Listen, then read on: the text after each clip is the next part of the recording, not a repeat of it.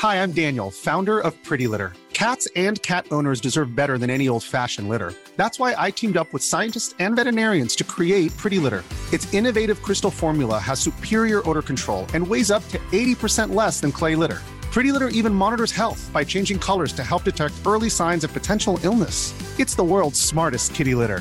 Go to prettylitter.com and use code ACAST for 20% off your first order and a free cat toy. Terms and conditions apply. See site for details. Hey there, it's Michelle Norris. I'm host of a podcast called Your Mama's Kitchen. When I travel, I'm usually looking for a way to find a taste of home when I'm not at home. And one of the things I love to do when I am at home is entertain. And Airbnb allows me to do that. When I was in California recently, I rented a house that had a great kitchen. And when we were sitting around the table, we're all thinking, we're in someone else's house. Someone could be in all of our homes as well. If you have a home, but you're not always at home, you have an Airbnb. Your home might be worth more than you think. Find out how much at airbnb.com/slash host. Since 2013, Bombas has donated over 100 million socks, underwear, and t shirts to those facing homelessness. If we counted those on air, this ad would last over 1,157 days. But if we counted the time it takes to make a donation possible, it would take just a few clicks. Because every time you make a purchase, Bombas donates an item to someone who needs it. Go to bombas.com slash ACAST and use code ACAST for 20% off your first purchase. That's bombas.com slash ACAST, code ACAST. Life is full of awesome what ifs, and some not so much, like unexpected medical costs. That's why United Healthcare provides Health Protector Guard fixed indemnity insurance plans to supplement your primary plan and help manage out of pocket costs. Learn more at uh1.com. I'm amazed how many people own stocks. They, they would not be able to tell you why they own. They couldn't say in a minute or less why they own. Actually, you really press them down and say the reason I own this is the sucker's going up. There's enough cash in the financial system, and there's an infinite amount of cash at the Federal Reserve. An infinite amount Put of cash. Put that check in a money market mutual fund. Then we'll reinvest the earnings into foreign currency accounts with compounding interest, and it's gone. So they had to do something. All they had left was just to print money and start buying things. And that's what they did. Quick buck artists come and go with every bull market, but the steady players make it through the bear market. They say money can't buy happiness. Look at the fucking smile on my face. Hej och välkommen till ett nytt avsnitt av Market Makers. Och som vi ligger i Fabian, eller hur? Ja, verkligen. Vi har ju fullt upp nu med att färdigställa och finputsa vår presentation till imorgon, torsdag. Där släpps ju dock på torsdag, så för dig är det idag, kära lyssnare. Eh, då har vi vårt event med Robomarkets och jag hoppas att vi ses där. Jag tror det kan finnas någon... Nej, nu för sig, då fick vi precis innan vi spelade in att det var helt fullbokat faktiskt. Så att, eh, glöm bort att eh, boka in det på det. Men däremot fick vi faktiskt en fråga ju från folk som anmält sig. Som, man fick inte någon bekräftelsemail, sa de. Och eh, nej, det ska man heller inte få. Eh, så det är ingenting konstigt. Har ni skrivit i formuläret så är ni välkomna. Men det jag tänkte säga, eller det jag tänkte på faktiskt, jag sitter i den här presentationen för fullt, du och jag sitter med och matar i material och sådär. Eh, och något som då slår en, det är ju ändå kul det är att hålla på med finansmarknaden då. Det får man det ju fan ju... hoppas med tanke på att de har en jäkla podcast om det. Nej, men det är ändå så sjukt. Jag bara slogs av det att det verkligen, det är ändå alltid någonting som händer. Det är inte svårt att, det är inte lätt att det är inte svårt att hitta någonting att, eh, att prata om. Liksom. Det händer så extremt mycket i världen hela tiden. Just nu känns det som att det kanske är liksom extra, extra extremt dessutom. Vi är ju liksom inne, det är väl lite det vi, tesen vi driver i den här presentationen också, vi är inne i någon slags skifte här nu liksom, mellan två stycken eror. Vi lämnar deflation och globalisering och låga räntor bakom oss kanske och går in i en ny värld med, med krig och imploderande aktiemarknader och vild inflation. Eh, men något som jag bara tänkte på där, eh, som jag tänkte, liksom, en av de viktigaste lärdomarna för mig i alla fall, när jag, sen jag började liksom hålla på med investering, så, det är att alla de här typerna av skiften, där man läser ju mycket sånt, framförallt gillar, är det ju kul att läsa permabjörnar som alltid tror på domedagen och så vidare. Eh, och det man har lärt sig med åren är att det tar ju alltid så extremt mycket längre tid än vad man tror. Eh, och jag, jag, tror att det är en, en av de viktigaste lärdomarna, jag vet inte om du håller med, just att ha tålamod och låta saker ha sin gång. Det är samma sak när man köper en aktie så vill man gärna att den ska röra sig direkt och så är det ju sällan. Uppvärderingen kan ju ske om ett, två eller tre år, eh, om den ens sker. Och just, man ska ta med sig att när man tittar på saker i backspegeln, då ser de så himla enkla och spikraka ut. Det här klassiska exemplet med Amazons aktie, den steg väl liksom, den har stigit 15 000 procent tror jag det är på de senaste 20 åren. Eh, men då har det under den tiden haft flera drawdowns på både 60 och, och mellan 30 till 60 procent. Så det är ju aldrig liksom en spikrak resa. Eh, och detsamma tycker jag när man kollar på liksom makrodata och grejer, då är det ofta så här fint indie att man ser i bakgrunden att här var en recession, här var en recession. Men i verkligheten har ju saker inte så tydliga avgränsningar. Det är inte som att man går från att ena dagen är det inte recession till nästa dag är det recession. Ja, framförallt mellan 2000 och 2014 var ju Amazon i stort sett en död aktie. Det är ingen som handlar den. Så det är mycket som hände just då i tiden som fick det att i efterhand se väldigt enkelt ut, se väldigt självklart ut. Men det är, liksom, det är många faktorer som spelar in här. Ja, men precis. Men som du säger, en sak jag också lärt mig, det är att det bästa du kan göra är att hitta anledning att vara optimistisk och hitta anledningar varför du ska investera i någonting eller vad du ska investera i.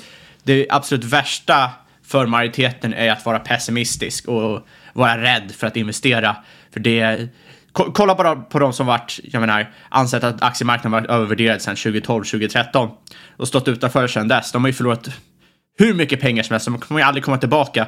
Eller komma tillbaka kanske de gör, men de, de har förlorat mycket potentiell avkastning även nu när liksom, aktiemarknaden har gått ner bara för att de inte har vågat investera. Och där har det varit många relativt duktiga investerare som har stått utanför. Nej, och jag, tror verkligen det, att det, det, är så himla lätt att se på saker i backspegeln. Eh, men när man väl är mitt inne i det så brukar det vara, känns som att det är total förvirring och osäkerhet kring framtiden. Mm. Eh, och det där måste man liksom bara lära sig att leva med. Eh, vi har ju lyft det här citatet många gånger nu, det börjar bli uttjatat, men Charlie Munger sa ju det här med att om du inte klarar av en 50% nedgång i din investering, ja, då kommer du få de mediokra, den mediokra avkastning som du förtjänar förtjänar. Och det är ju så, tyvärr, måste man, ska man med på de här stora resorna så måste man också våga härda ut i vissa perioder och slängas mellan hopp och förtvivlan och så vidare. Det är liksom en liten del av priset, det är det som är risken som man betalar för att få riskpremien. Och eh, det man kan skicka med där också, det är ju att det absolut viktigaste då att tänka på, det är att just hela tiden fokusera på risk och hur man, eh, ja men minimera inte minimera risken, men se till att jobba med risken i portföljen så att man inte sprängs om det är så att man tar ett felaktigt beslut.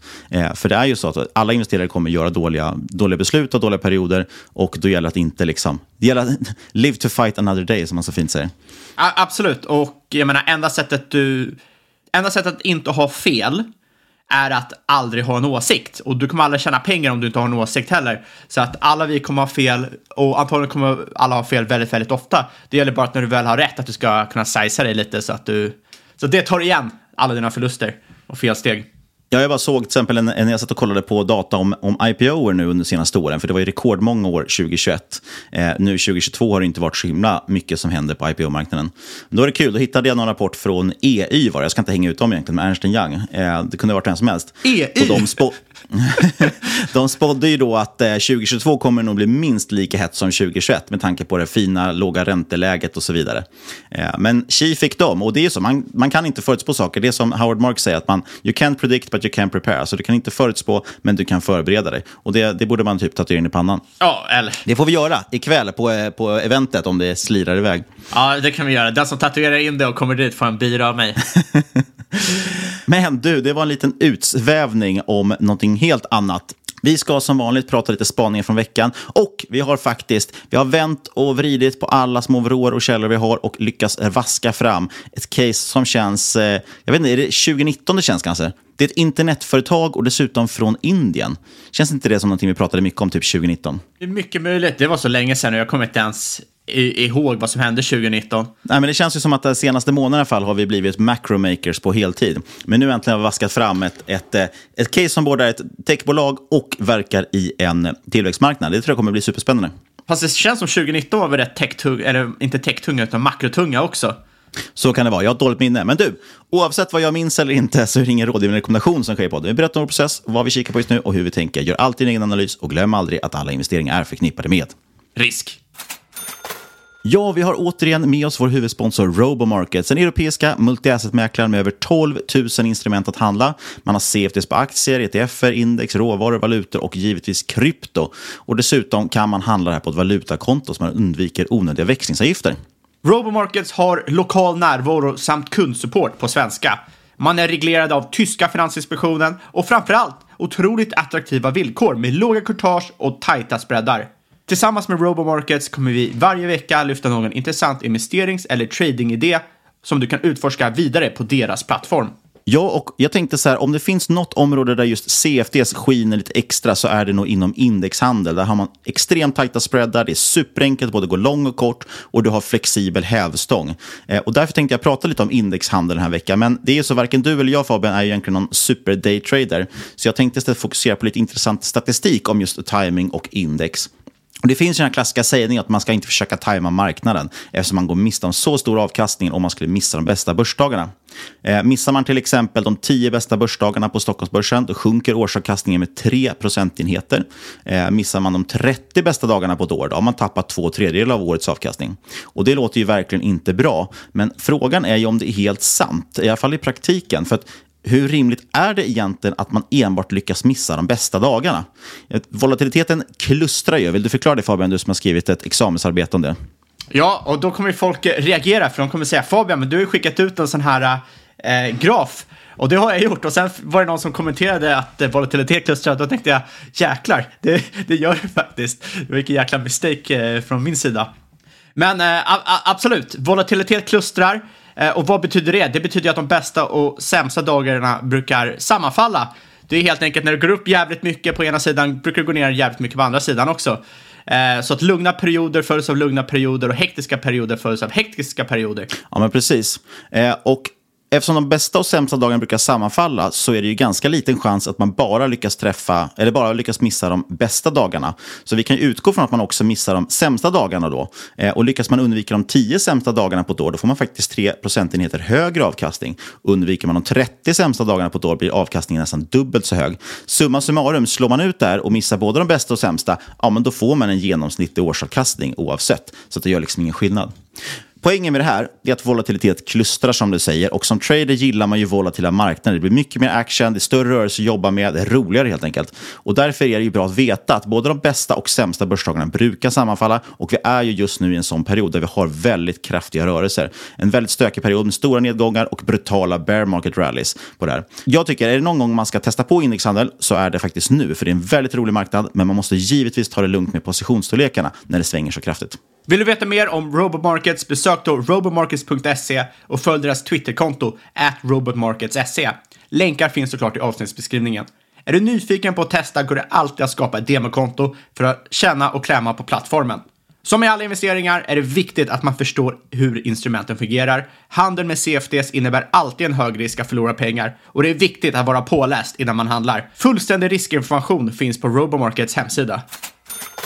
Ja, och då är det åter de tre snabba. Eh, de tre ryttarna i den här podden om man säger.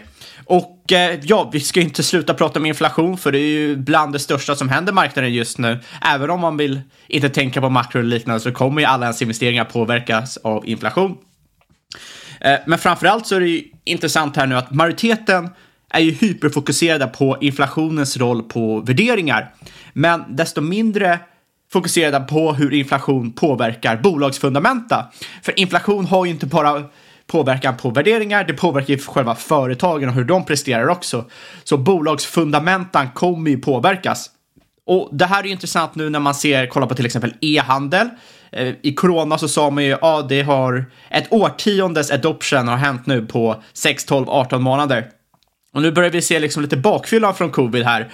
Eh, andelen e-handel som versus eh, total retailförsäljning minskar igen, det är ner på typ 2019-nivåer.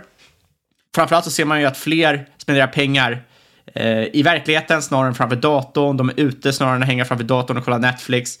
Eh, och det ser man ju också i resultaten hos allt från eh, software till ja, streaming services till e-handlare. Och tillväxten avtar Ja, och det blir också problematiskt just nu vi har så extrem inflation. Vi trodde ju den skulle rulla över nu, men vi fick ju, jag menar vi hade ju i Sverige nu strax över 7% inflation. Och det man brukar se i den typen av miljöer är ju att det här som kallas consumer discretionaries, alltså sällanköpsvaror på svenska, får ge vika då för saker man måste ha, typ mat, bränsle och så vidare. Så det är ganska rimligt att folk eh, slutar handla till exempel affischer på nätet. Exakt, så du har liksom den här double whammen att folk Delvis har de lite, är de lite trötta på att sitta inne och göra saker framför datorn. Och delvis så har du den här avtagande efterfrågan här från inflationen, från eventuellt höjda räntan och så vidare. Och många bolag, eh, kika på Etsy, Shopify, Ebay, De säger att de tror att tillväxten kommer nu återkomma i andra halvan av eh, 2022. Och här tror jag kanske det är dags att syna lite, inte lite fullt ut på vad bolagen säger. Ta, ta det med en rejäl nypa sant. Du kan ju kika i stort sett på alla bolag här. Du kollar på den extrema lageruppbyggnaden som finns på, hos många bolag i kombination då med fallande efterfrågan. Ja, vad, vad händer med det här? Det blir en stor omkostnad för bolaget, kan inte kränga det här, eh, innebär inkurans och liknande.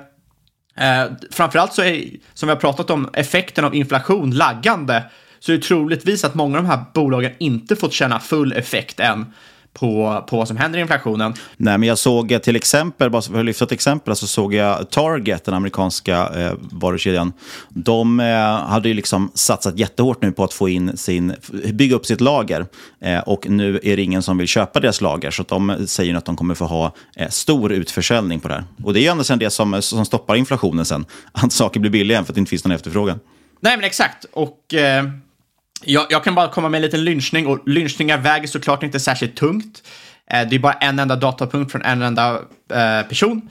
Men liksom det jag har sett, jag bor ju i London som vissa av er vet och där går ju techbranschen nu på knäna. Det har gått väldigt, väldigt snabbt från liksom solrosor till doomsday. Alltså vi snackar här några veckor. Eh, och många har ju sett liksom publika bolag gå ut och varsla människor och liknande. Och här snackar vi liksom folk får sparken, likviditeten torkar upp, och i stort sett hela affärsmodeller som bara fryser upp helt, slutar fungera. Eh, och det här är otroligt intressant. Och det är som vi har pratat förut och Niklas du har tagit upp att man ska aldrig glömma att de här företagen, de gör ju business med varandra. Inte bara små bolag, utan små bolag till mellanstora bolag och mellanstora bolag till stora bolag. Det är ett stort jäkla spindelnät. Så när techbolagen här tvingas skära ner omkostnader och då framförallt de här mjukvarubolagen och servicebolagen så kommer det påverka alla andra bolag i det här spindelnätet. För vad gör du till exempel om ett kanske ett eh, litet bolag, ett medelstort bolag, liksom skarpt överbetalar för då keywords på Google eh, för att kunna visa upp olönsam growth för sina investerare. Och sen visar det sig att investerarna inte längre har growth, de vill ha lönsamhet.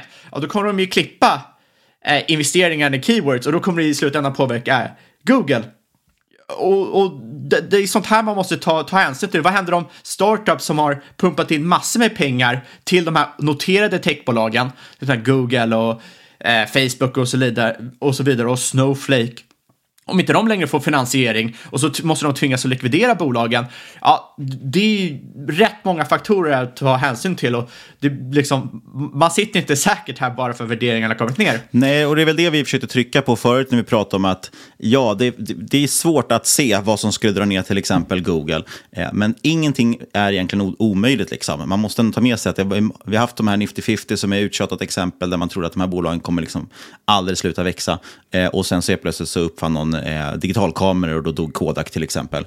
Eh, så det är väldigt svårt och saker kan hända. Och det var ju samma under finanskrisen. Jag menar, många liksom tyckte att det här hela systemet man har byggt upp med, med eh, eh, alltså, eller hela fastighetssektorn, att det, nej, det var inte alls övervärderat och det var helt rimligt. Folk måste någonstans att bo. Men eh, det är alltid så att det kan hända saker bakom kulisserna som man inte har tänkt på. Man måste ändå ha med sig det. Och det behöver inte betyda liksom att typ Google eller något annat stort företag ska dö. Det är ju snarare att Ja, Nej, det känns ju ganska otänkbart. Deras vinst kommer falla. Och det är ju liksom rätt ödesdigert om man köper någonting som man tror är P 10 eller 15 och så visar det sig snarare vara P 30, 40 eller 50. Eh, ja, och det, det är framförallt det jag försökte hamra in när vi pratade om det för några veckor sedan. Att, eh, jag, tror att det är lite för, det är lite för mycket first level att säga att okej, okay, nu är Google jättebillig. Eh, men det är för att är, du tittar på rullande liksom 12, eh, eventuellt felaktiga prognoser. Eh, det kommer antagligen vara en stor marginalpress i mycket av den här sektorn. Och vi pratade om det också, nu upprepar jag mig, men eh, Microsoft har nästan dubblerade sin eh, budget för löner och så. Alltså det är klart att det kommer bli en enorm marginalpress när folk kräver högre löner och det är svårt att få tag på kompetens. Exakt, för inflation det påverkar ju inte bara efterfrågan från privatpersoner och liknande. Det påverkar ju även kostnadsstrukturen i bolagen. För du ser ju liksom, du har ju högre elkostnader, högre löner, eh, högre shippingkostnader och det pressar ju marginalerna. Så kikar man bara på hur Amazon med liksom världens största logistikflotta i stort sett har påverkats så har ju enligt CFO så har ju bränsle och shippingkostnader adderat nästan 2 miljarder i kostnader under 2022 hittills jämfört med 2021. Eh, och det är rätt mycket för en lågmarginalsbusiness som Amazon är. Det här är alltså inte deras moln lösning. Det här är AVS, utan det här är liksom deras e-commerce eh, business. Och framförallt så ser han att de här ökade kostnaderna, de kommer hållas kvar ett tag. Det är inte att de kommer försvinna på ett eller två kvartal. Det är antagligen år vi snackar om. Eh, och totalt har inflation adderat cirka 6 miljarder dollar i kostnader för Amazon endast under Q1 2022 jämfört med Q1 2021. Och som du säger, man har ju sett hur marknaden har reagerat på retailers som Walmart och Target som också lider av inflationen. Och det jag tycker framförallt man ska ta med sig här är att i stort sett ingen som jobbar nu för tiden har varit verksamma under inflation. Så det finns ingen playbook. Inga av de här bolagen heller fanns när inflation liksom var så här hög eh, senast. Och det betyder att vi har ingen playbook för vad som ska hända. Eh, och det innebär att det finns en väldigt, väldigt stor risk att liksom, folk gör eh, snedsteg. Folk gör fel för att de ska hantera inflationen. Och i vissa fall kanske det eventuellt är ödesdigert för vissa bolag. Jag tycker det är också lite intressant att ta med sig det, en tanke på det just också att varenda, man brukar säga det, att varje generation präglas ju av den tid de kommer ut i arbetslivet av och, så där, och växer upp i. Väldigt många, jag inkluderat, jag gick ju ut precis eh, efter finanskrisen i princip började jag arbeta. Eh, och det är klart att det kan jag tänka mig att det har präglat en, att man aldrig har haft en, en riktigt kraftig nedgång. Ja, på börsen har det varit lite nedgångar, men inget, eh, inte liksom i ekonomin i stort. Och det kan man fundera lite över. Vad, vad kommer den här generationen som växer upp nu, eh, hur kommer de präglas av den här eran? Det tycker jag är lite intressant. Ja, verkligen. För att eh, ja, de man känner som eh, eh framförallt började jobba inom finans och liknande runt finanskrisen eller lite innan, de har ju väldigt annorlunda investeringsstilar och sätt att se på det än de som började jobba kanske fem år senare, som var lite mer inne i techkåsen. Um, så att uh, jag kan tänka mig att det är rätt många som tidigare varit intresserade av krypto och tech och liknande som drar öronen åt sig och börjar, börjar bli mer intresserade av the old economy, så att säga. Verkligen. Jag såg en rolig eh, sägning, eh, jag tror det var hon Pippa Malmgren som skrev det. Eh, Pippa Malmgren? Jo, men hon heter så. hon är ändå amerikan. Men eh, hon pratade om det att unicorns är döda, nu vill man ha en trogen arbetshäst. Det tyckte jag var lite roligt sagt. Ja, många som snackar om zebras har jag sett. Jag mm. vet fortfarande inte riktigt vad meningen med en zebra men det är att de kan överleva och ha bra kassaflöden och grejer. Det känns väldigt reaching. Eh, men eh, på, på, tal om eh, gammal arbetshäst så har det varit två rätt hypade intervjuer senaste två veckorna. Jag tänkte bara lyfta dem lite snabbt, för de är lite roliga. Och e- ena är från Druckenmiller, när han var på Son Conference. Och den andra är från Damadoran, när han var i Invest Like the Best. Och det här är intressant, för de har ju lite olika... De har väldigt liknande syn, men också väldigt olika syn på vad som kommer hända framöver. Och det är intressant för att Druckenmiller, han är ju främst en makrokille och Damadoran, han är ju främst en liksom, eh, bolagskille, alltså han sitter och värderar bolag, fundamental analys. Uh, och Druckenmiller, han har ju aldrig sett en sån här taskig kombo framför oss som vi har just nu. Inflation, han, han är ju inriktad då på amerikansk ekonomi, men inflation på 8 procent, eh, svajande liksom, ekonomiska förutsättningar och eh, bond yields på 3 procent. Och han anser ju här att, eh, fram, när han sitter och kikar på sektorer, att världen kommer ha ont om energi kommande 5-10 åren. Och en stor anledning av det är ju narrativet som drivs just nu eh, bakom ESG. Sen ser jag ju en stark korrelation mellan Nasdaq och krypto. Och han tror ju faktiskt, det är många som tänker så här, kryptos nedgång kommer inte påverka liksom andra börser, andra människor. Men han är helt övertygad att det kommer påverka. Han tror inte att liksom, när en biljon i market cap, alltså one trillion dollars, försvinner ur en marknad som det har gjort nu i krypto, Eh, så kommer det påverka andra marknader, för det finns en stark overlap mellan investerare i Nasdaq och investerare i krypto. Båda går ju rätt långt ut på riskskalan och har gjort det de senaste åren. Och och framförallt det som vi också tagit upp här i podden tidigare, när inflationen överstiger 5% så har det aldrig gått ner igen utan en recession. Och eh, det, det tycker jag man ska ta med sig här i bagaget. Det är så stor risk för recession nu att om, om vi inte redan är i en recession, det är, det är som du sa tidigare, det är ju lätt att säga i efterhand, det är svårt att säga när man sitter mitt i det, vart recessionen börjar. Eh, men han, han, det jag tycker är intressant här och det som är väldigt in, annorlunda med Damadoran som vi ska prata om tidigare, att Druckenmiller, han tror fortfarande på en väldigt koncentrerad portfölj.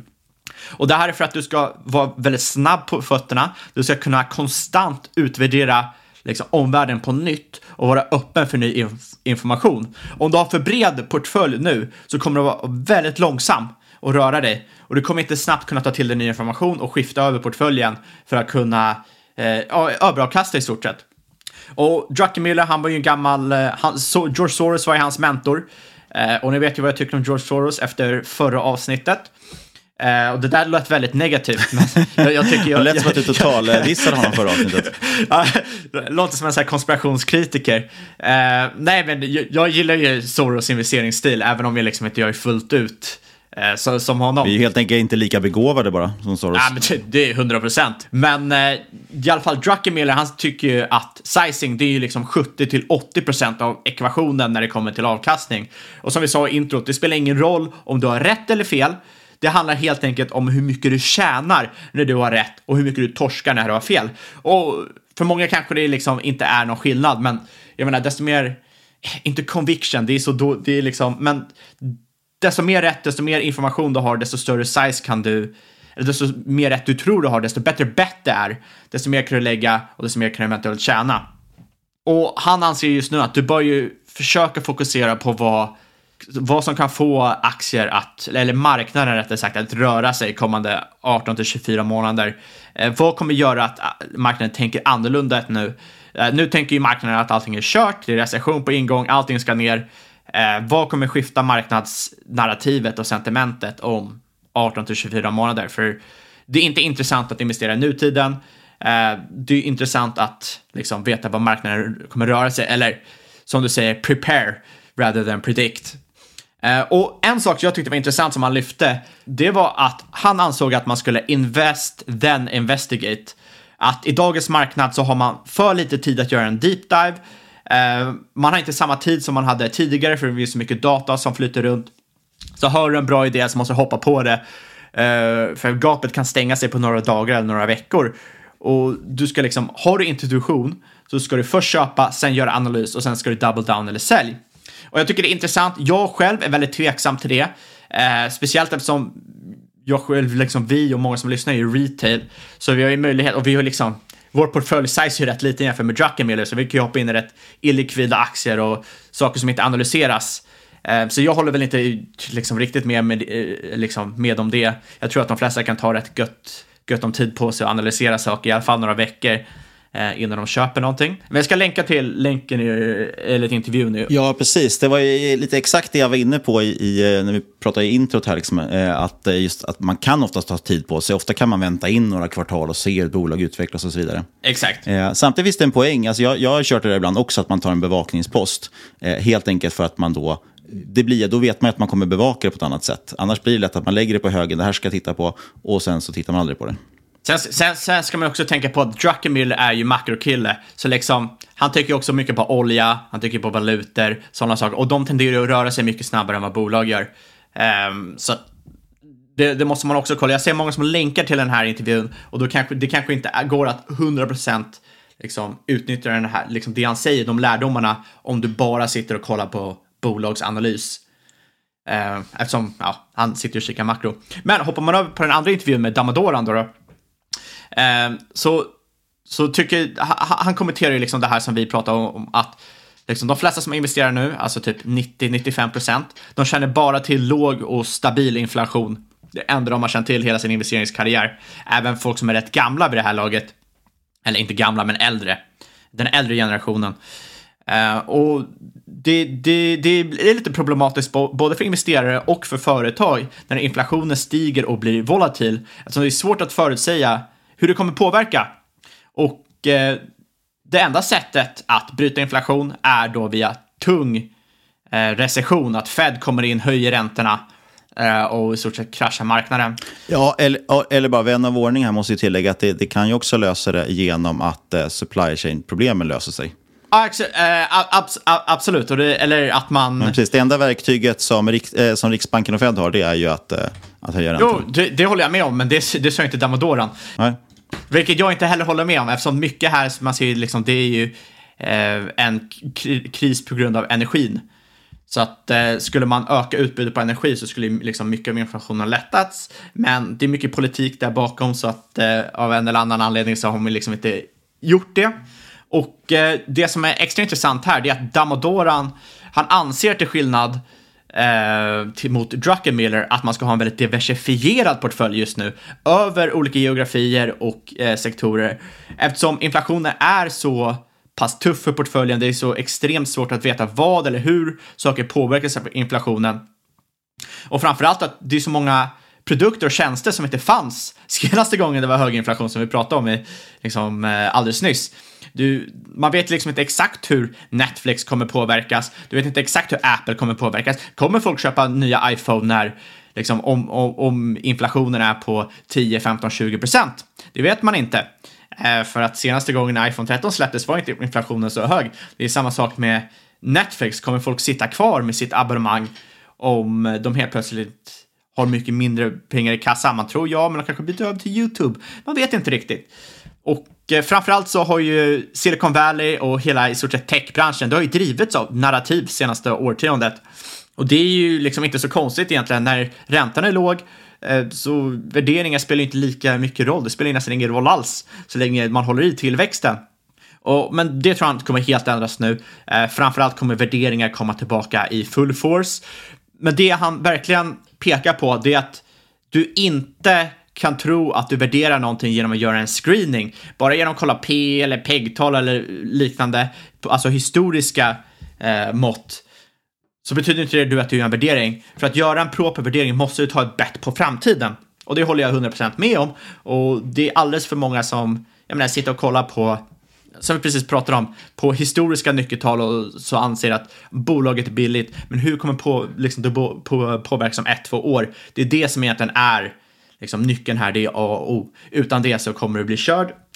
Och sen, sist men inte minst, så höll han ju med mycket kring ESG. Eh, eller håller med Druckenmiller mycket om ESG och det är att ESG är i stort sett bara marketing. Det är inte någonting som bevisbart kan producera högre avkastning. Eh, och du har inte ändrat så mycket i de här bolagen. Du har inte sett liksom något avtagning i användandet av fossila bränslen. Det är snarare tvärtom. Förbrukningen av olja har ju gått upp senaste årtiondet. Eh, så det enda har förändrat för bolagen här är att det har skapat mer administration, mycket omkostnader, mycket compliance eh, och fram, framförallt så är det ju intressant, du har ju sett här att du har ju mycket av de här eh, tillgångarna, som typ fossila tillgångar, det har ju skiftat över via divesting så du har skiftat över den här avkastningen som varit i den publika marknaden, börsnoterad, har det gått över till privata marknaden, alltså PO-bolag som har köpt ut de här eh, icke-ESG-tillgångarna. Så att det absolut värsta som händer här, det är ju liksom att potentiell överavkastning har gått över till några få individer i den privata marknaden för att den publika marknaden kan inte äga dem på grund av ESG-skäl. Eh, och det, det, det, tycker jag är lite, ja, det blir en jäkla skatt på oss retail-människor. Ja, det är mycket som händer i världen, minst sagt. Men ska vi hoppa in kanske på veckans case vi ska kika på? Ja, det ska smattra lite Jatra. Precis, vi ska kika lite på Jatra. Eh, det känns nästan lite ovant här. Det känns som att det var länge sedan vi eh, pratade verkligen case och framförallt case som inte är typ energibolag. Men jag känner att vi måste gräva fram någonting här och titta på. Och vi håller på med den här, eh, vi håller på med den här presentationen för eventet ikväll. Eh, och då bland annat i samband med det så kikar jag igenom massa gamla bokmärken som jag har i Twitter. Jag brukar bokmärka liksom intressanta trådar och sådär. Eh, och då är det bland att folk skriver liksom write-ups på case, men jag tänker att jag ska kolla på dem i framtiden. Sen händer aldrig det. Eh, och då kom jag tillbaka liksom en, två år tillbaks i tiden, eh, tillbaka till 2020 och kikade. Och det var rätt kul också att gå in och kolla hur de här bolagen faktiskt har gått. Både sen dess, men framförallt också i år. Hur har de stått sig i bäsen? Eh, och då var det faktiskt två stycken case där, som, eller två aktier som, som jag varit lite förvånad över hade klarat sig väldigt bra faktiskt i den här techbäsen. Eh, och jag tänkte att båda de ska faktiskt eh, ta upp i podden. Eh, men vi börjar med det första så får det andra vara en liten cliffhanger. Det är ju så. varför liksom vill man ha ett bolag som har gått bra? Då? Jo, men jag gillar ju dels att stryka lite medhårs när det kommer till börsen. Let the trend be your friend, som de coola säger. Eh, om en aktie liksom inte vill gå upp så, så tycker inte jag för att man kanske ska göra det till sitt största innehav och hålla på att snitta ner sig tills man får ont i magen. Eh, utan... det, det, det, det beror ju på liksom, vad man har för eh, tro i sig själv. Absolut. Jag har ingen men tro på mig själv. själv. Ja. ja, men exakt. Så går ett bolag ner 50% så kommer jag antagligen tro att jag har gjort fel snarare än att marknaden har gjort fel. Jag tycker i alla fall att det finns en poäng att använda lite momentum och, och, och trendföljande som en form av risk, eh, ett verktyg att få ner risken eh, för att undvika liksom, att fastna i saker. Men Framförallt också är det väldigt intressant att se när aktier går starkare än resten av marknaden. Speciellt när marknaden är väldigt svag också. Så om en aktie visar styrka i en nedgående marknad, då tycker jag att det är ett väldigt stort styrketecken. Då finns det liksom vind i seglen och det är väldigt intressant att kika på.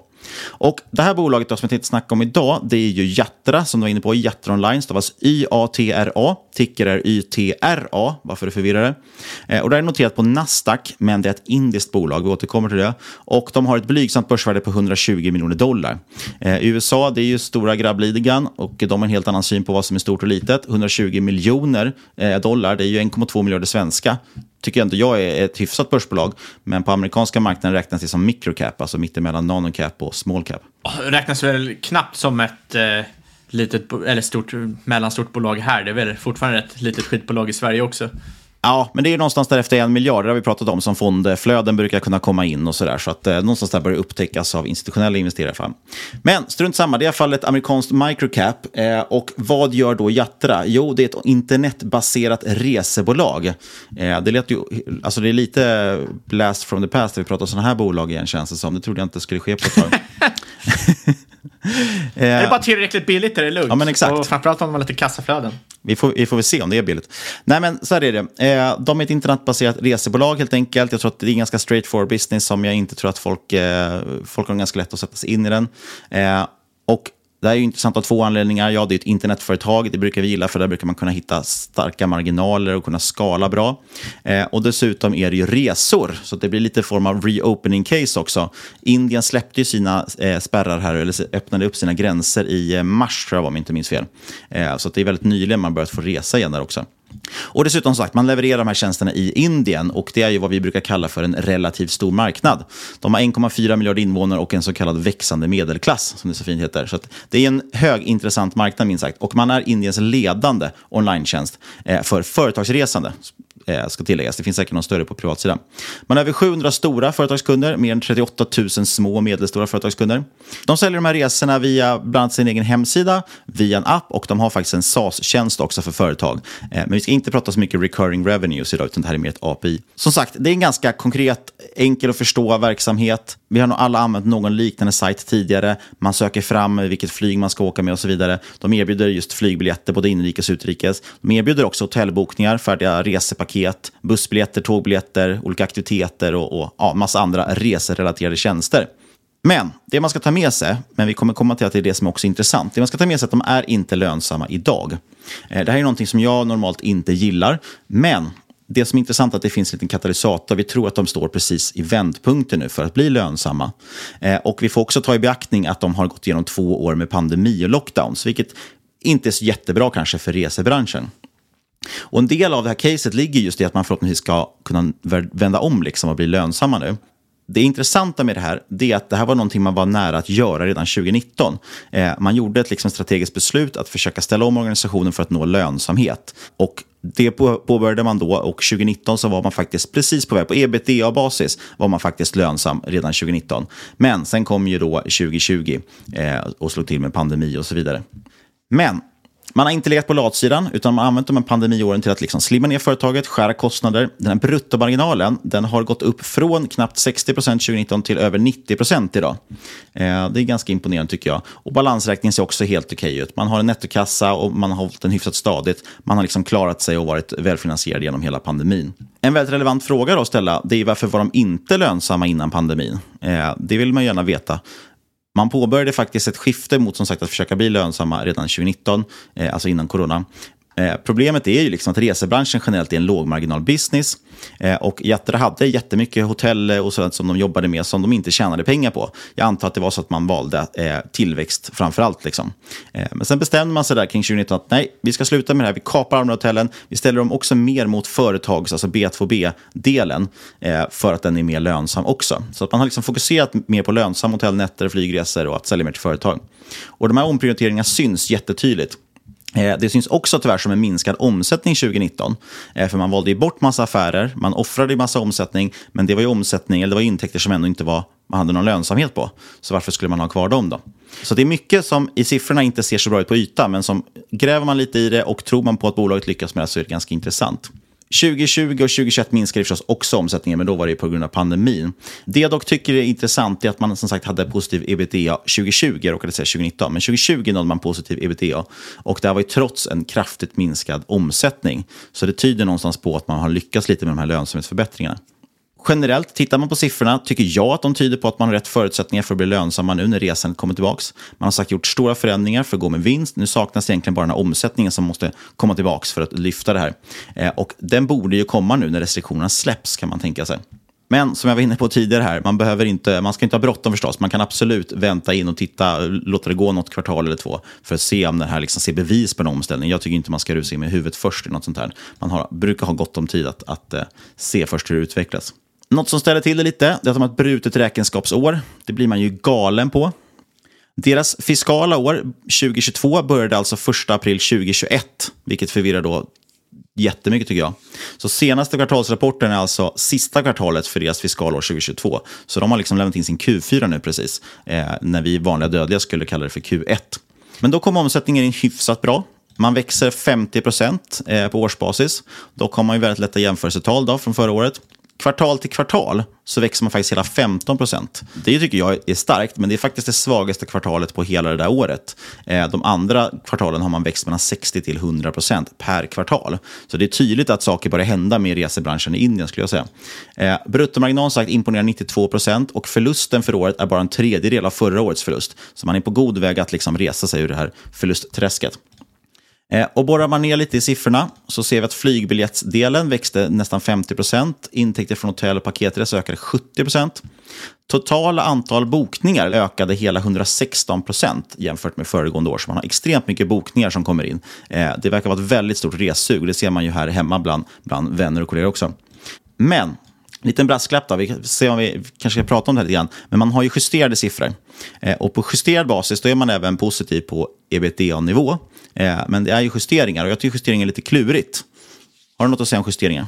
Ja, jag brukar inte kolla så mycket på justeringar. Det blir väl, när justerar man så att det ser sämre ut? Det är oftast man justerar någonting för att det ska se bättre ut. Så att, eh, inte alltid, inte alltid, men oftast. Så att då kanske man inte ska riktigt kolla så mycket på de justerade Nej, jag, jag gillar ju inte riktigt justeringar av principsak. Eh, Charlie Munger var det väl som kallade det för eh, så att adjusted ebitda är bullshit earnings. Det är bara ett annat ord för det. Men jag förstår samtidigt att det finns ett syfte med det. Det viktiga tycker jag är att man försöker förstå vad de justerar och varför de gör det. Och sen förstås inte lita blint på de siffrorna, utan titta på de riktiga inom citationstecken-siffrorna också. I Jatras fall så justerar man intäkter och resultat. Eh, och dels då, om vi tittar på intäkterna, det är för att en del kunder betalar direkt vid bokning, medan andra tar resa på faktura och så vidare. Och det ställer till det lite med, med kostnaderna där. Man vill också att intäkterna bättre ska reflektera faktisk försäljning. Eh, så man justerar för kostnader relaterade till till exempel program och promotionkampanjer. Okej, vad innebär det? Jo, låt säga att en, en, kund har betalat en del av sin resa med lojalitetspoäng. Då kommer de ändå fylla i det som en full intäkt, justera bort lojalitetspoängen. Jag tycker det blir lite tokigt för att det eh, visar ju då, eh, det är ju liksom inte pengar de har fått in, det är inte en riktig intäkt. Samtidigt är ju tanken, då jag förstår det, då vill man kunna enkelt jämföra eh, faktiskt, liksom intäkter från år till år. Och över tid börjar det liksom någonstans jämna ut sig. För när de köper en resa utan lojalitetspoäng, då samlar de ju lojalitetspoäng till nästa resa och så vidare. Men det kan bli lite tokigt, för de kan ju också väldigt mycket, köra väldigt mycket rabattkoder och sådana saker, och så justerar de bort det och så blir det tokigt. Eh, och det var väldigt stor skillnad mellan de justerade eh, intäkterna och de, de verkliga, så att säga. Men jag förstår att man vill ha, kunna ha en jämföra, jämförelse, det ska lättare att jämföra. Effekten blir att man i de justerade intäkterna ser exakt hur mycket resor som har sålts. Men vi ser ju inte då om de har betalats med olika typer av eh, poäng eller rabattkoder och så vidare. Så det är bra att använda de justerade intäkterna om man ska bara jämföra tillväxten på bolaget av sålda resor. Eh, men för att se vad de verkligen tjänar ska man förstås alltid titta på det ojusterade. Eh, och resultatet justeras också. Eh, och det är för att man då säger att man föredrar att internt använda de här siffrorna vid budgetering, jämförelse med konkurrenter och så vidare. De blir liksom renare. Och det man justerar bort här det är sen stock-based compensation. Eh, det är även lite goodwill och förändrade värden på ett gäng varanter man sitter på. Eh, det där känns som att man skulle behöva grotta lite grann just något man behöver ta hänsyn till. Kanske någon pigg lyssnare kan göra och mejla in till oss. Sammanfattningsvis kan man väl säga att tanken är ju att de justerade siffrorna ska reflektera verksamhetens utveckling mer och inte liksom få in massa annat, annat finansiellt runt omkring. Och i slutändan tycker jag dock att de justerade och verkliga eh, siffrorna bör närma sig varandra på, på sikt. Men vi får se. Titta på båda säger jag. En annan grej för övrigt man justerar bort, det är ju noteringskostnader också om man har sådana. Därför nämner jag det? Jo, för att dagen innan Indien öppnade upp sina gränser nu för internationellt flyg, då valde Yatra att gå ut skarpt med sina planer om att lista sig på den indiska börsen utöver Nasdaq där man listar idag. Eh, så det skulle alltså bli en parallellistning i Indien. Och det är ju ganska rimligt. De har ju indiska kunder, det är indiska investerare som kommer känna igen det här bolaget. Så det skulle ge större tillgång till kapitalanskaffning från, som, från de här kunderna som känner till och nyttjar tjänsten redan. Eh, dessutom adderar likviditet till aktien, vilket då gör det lättare att betala eh, förvärv med egna aktier. Eh, och en listning i Indien skulle också kunna innebära att man får täckning av indiska analytiker och därmed då synliggör aktien till fler investerare. Så att försöka få upp värderingen lite grann. Dock får man ju tänka på här, de har en ambition om att de ska resa kapital i samband med den här listningen. Eh, jag såg en siffra någonstans upp mot 100 miljoner dollar. Eh, och det låter ju, låter ju helt galet med tanke på att det är typ hela Götaras nuvarande börsvärde. Eh, så det är minst sagt aggressivt kan man ju säga. Och då måste man ta hänsyn till de här utspädningarna om man ska göra kalkyler på det här. Men generellt ska jag säga att det kanske är rätt intressant att de kommer in på en, en, den indiska börsen. Det är definitivt en katalysator för en uppvärdering i alla fall. Jag vet inte hur liksom, mycket likviditet som finns i på den indiska börsen. Jag har ju sett liksom mycket på Twitter de senaste åren så har liksom indiska fintvätt så att säga blivit allt större. Men eh, jag vet faktiskt, jag har faktiskt noll koll på deras liksom retail-segment, eh, likviditet. Eh, skulle bara anta att den ändå är mindre än Nasdaq. Så är det nog säkerligen. Men den stora skillnaden blir att när de ligger på Nasdaq så är det ingen amerikan som känner till dem. När man ligger på den indiska börsen så räcker det med att någon procent känner till dem så får det betydligt antagligen fler investerare. För det är ganska låg likviditet i den här aktien idag vad jag har kunnat se. I alla fall, nu pratar vi bara historik i det här bolaget. Eh, men det här handlar ju om framtiden, om de kan ställa om till lönsamhet. Och nu har ju deras fiskala år 2023 precis börjat. Och det är det som är riktigt intressant för oss, här, vad som händer framåt. Eh, Indien har som sagt börjat lätta upp för att resa igen. Yatra guidar för att inte bara kunna uppnå samma försäljning som man hade innan pandemin, utan man ska också slå de siffrorna redan i år, är man helt bombsäker på. Man räknar kallt med en dubblering av omsättning nu under det här året. Eh, dessutom säger man att man ska visa plusresultat redan om två kvartal, så det blir ganska spännande att se. Eh, man säger nu för det kvartal som har gått precis att, att eh, i januari blir man kraftigt påverkad av nya coronavarianten omikron, men i februari-mars såg man en snabb återhämtning. Och man nämnde på ett konf att, att nu i maj har det varit liksom hockeyklubba upp. Alltså det är extrem, extremt mycket resande. Eh, där ser man även i branschsiffror generellt också. Så det är intressant. Och just juni som vi kommer in i är ju liksom den mest resintensiva månaden, den som brukar vara mest hektisk för Jatra. Så det, eh, det, är väldigt intressant att se vad som händer redan i det här kvartalet skulle jag säga. Apropå branschsiffror, i maj 2022 var faktiskt Indiens inrikesresande tillbaka på 90 procent av pre-covid-nivåer för både privatpersoner och företagsresenärer. Eh, och nu börjar utrikesresor också återhämtas ordentligt nu när restriktionerna lättas i slutet av mars. Jag gjorde en superenkel servettskiss på det här bara för att få en bild över värderingen. Superenkel servettskiss på kommande år, alltså det som nu startar i april. Då har jag räknat med den här dubbleringen av omsättningen då, som man har lovat. Nej, jag skojar, man har inte lovat det. Men eh, jag räknar med den dubbleringen av omsättning eh, enligt bolagets egen guidning. Och när det gäller då möjliga marginaler, det är väl där det blir lite knepigare. Eh, de anger ju lite nettomarginaler man har för de här olika tjänsterna man säljer och det borde kunna ge ett hum om vad man skulle kunna ha för vinstmarginal på sikt. De marginalerna ligger mellan 5 till 20 procent beroende på vad det handlar om för vara man säljer. Jag valde att utgå från marginalen för senaste kvartalet. Eh, de ligger lite lägre än för helåret, så det känns det som att man har lite mer säkerhetsmarginal där. Eh, och sen har jag justerat liksom för stor andel av försäljning just det benet utgör. Och störst är ju flygresor. Det är drygt 70 av intäkterna och där har man runt 7% marginal. Mest lönsamt är hotellen, nästan eh, ja, 17% marginal, men bara 20 av intäkterna. Och sist har vi det övriga intäkter som utgör 6 av intäkterna och också 6% marginal. Så snittmarginalen, det har varit många siffror nu, snittmarginalen som jag får ut är då 9 eh, Och det tycker jag låter som en ganska rimlig siffra eh, för vinstmarginal här. Så dubblad omsättning och 9 vinstmarginal, då får man, det kommer de inte nå i år förstås, men ändå. Eh, men det är 0,08 dollar i vinst per aktie och då med dagens aktiekurs på 1,95 så är det P 25 på innevarande år. Och vet du vad vi säger då Fabian? Vad säger vi då? Då säger vi som i den här Tjernobyl-serien. Not great, not terrible. jag, ber, jag ber om ursäkt. Eh, EV Sales på historiska siffror då, ligger på lite över 4 Eh, men dubblad omsättning nästa år, då ska det bli EV-Sales 2. Men å andra sidan så verkar det som att de kanske ska späda ut den med 100 miljoner dollar och då kanske det blir EV-Sales 4 fortfarande. Jag vet inte. Det blir spännande att se hur den listningen liksom kommer gå. Men det här är ganska intressant, för det är lite så, när, det gäller aktier, speciellt i en sån här tråkig marknad, så är det ofta så att man behöver någon form av katalysator, någonting som ska hända i aktien eller storyn för att folk ska liksom vilja börja köpa det här just. Annars blir det lätt att man bara säljer för att få likviditet till annat. Eh, och det jag tycker det här, med det här bolaget är, är rätt intressant, det är att man har ganska, två ganska tydliga katalysatorer. Dels den här parallellistningen som kan vara rätt intressant att driva upp eh, värderingen på bolaget. Eh, och dels har just det här nu öppnandet av liksom Indiens resande, vilket gör att man som sagt man tror att man kommer dubbla omsättningen och lönsamhet och så vidare. Det blir liksom ett helt annat bolag eh, det, än det här bolaget som folk har börjat tröttna på eftersom de liksom i tre, fyra år nu bara varit olönsamma och det går bara sämre och sämre för att det kommer en pandemi och så vidare. Eh, nu ska vi se om det här ger resultat. Sen vet man inte, de kan ju ha liksom bara snackat eller kanske inte ha lyckats med lönsamhetsförbättringarna, men om de har gjort det eh, så tror jag att det kan bli väldigt, väldigt intressant. Ja, det enda som jag hade varit orolig för här, det är hur de ska påverkas av inflationen framöver. Jag menar, reseindustrin är ju otroligt inflationskänsliga. Eh, vilket såklart är liksom rimligt. Ju mindre pengar folk har att spendera, eller ju, ju dyrare saker är, desto mindre benägna är folk att spendera.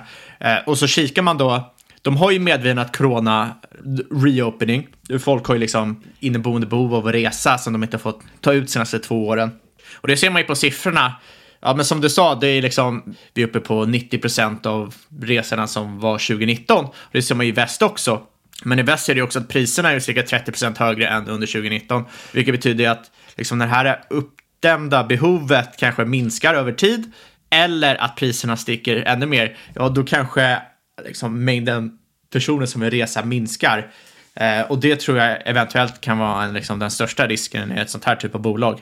Absolut. Det finns ett gäng risker till som jag kan dra också. Men jag håller helt med dig. Jag, jag tror att det finns ett jätteuppdämt behov just nu. Folk kommer resa som galningar här det här kvartalet. Det kanske räcker. Då kanske man gör en, en kort resa i aktien om man, om man nu skulle vara intresserad av det.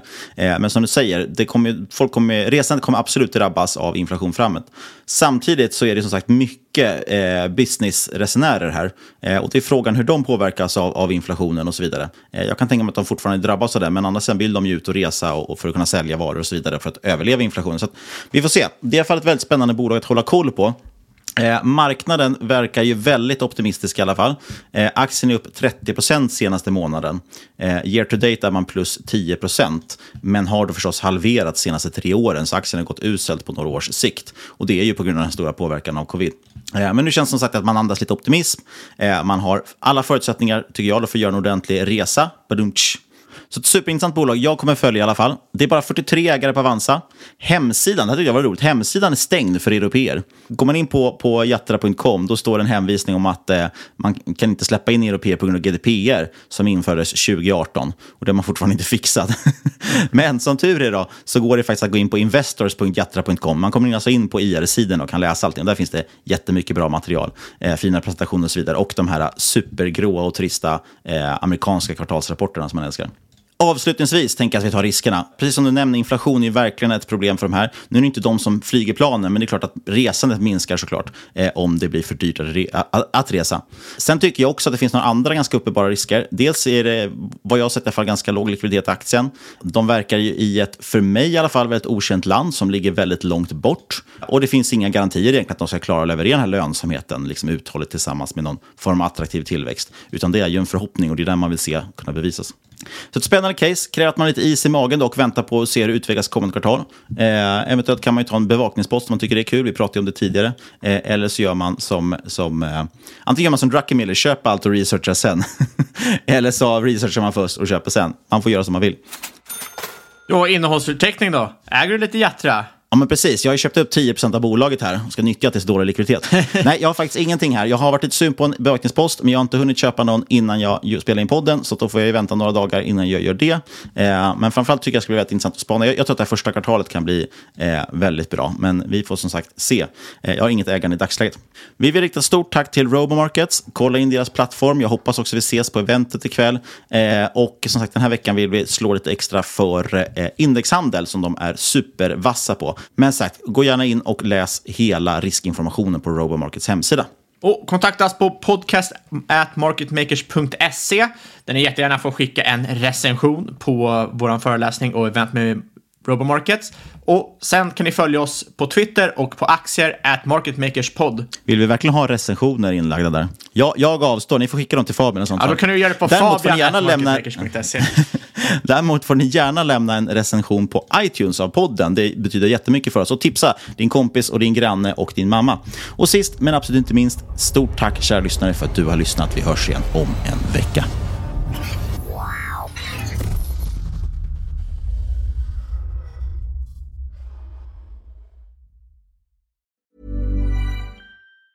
Hi, I'm Daniel, founder of Pretty Litter. Did you know cats tend to hide symptoms of sickness and pain? I learned this the hard way after losing my cat, Gingy. So I created Pretty Litter, a health monitoring litter that helps detect early signs of illness by changing colors, saving you money and potentially your cat's life. Pretty Litter is veterinarian developed, and it's the easiest way to keep tabs on your fur baby's health right at home. Go to prettylitter.com and use code ACAST for 20% off your first order and a free cat toy. Terms and conditions apply. See site for details.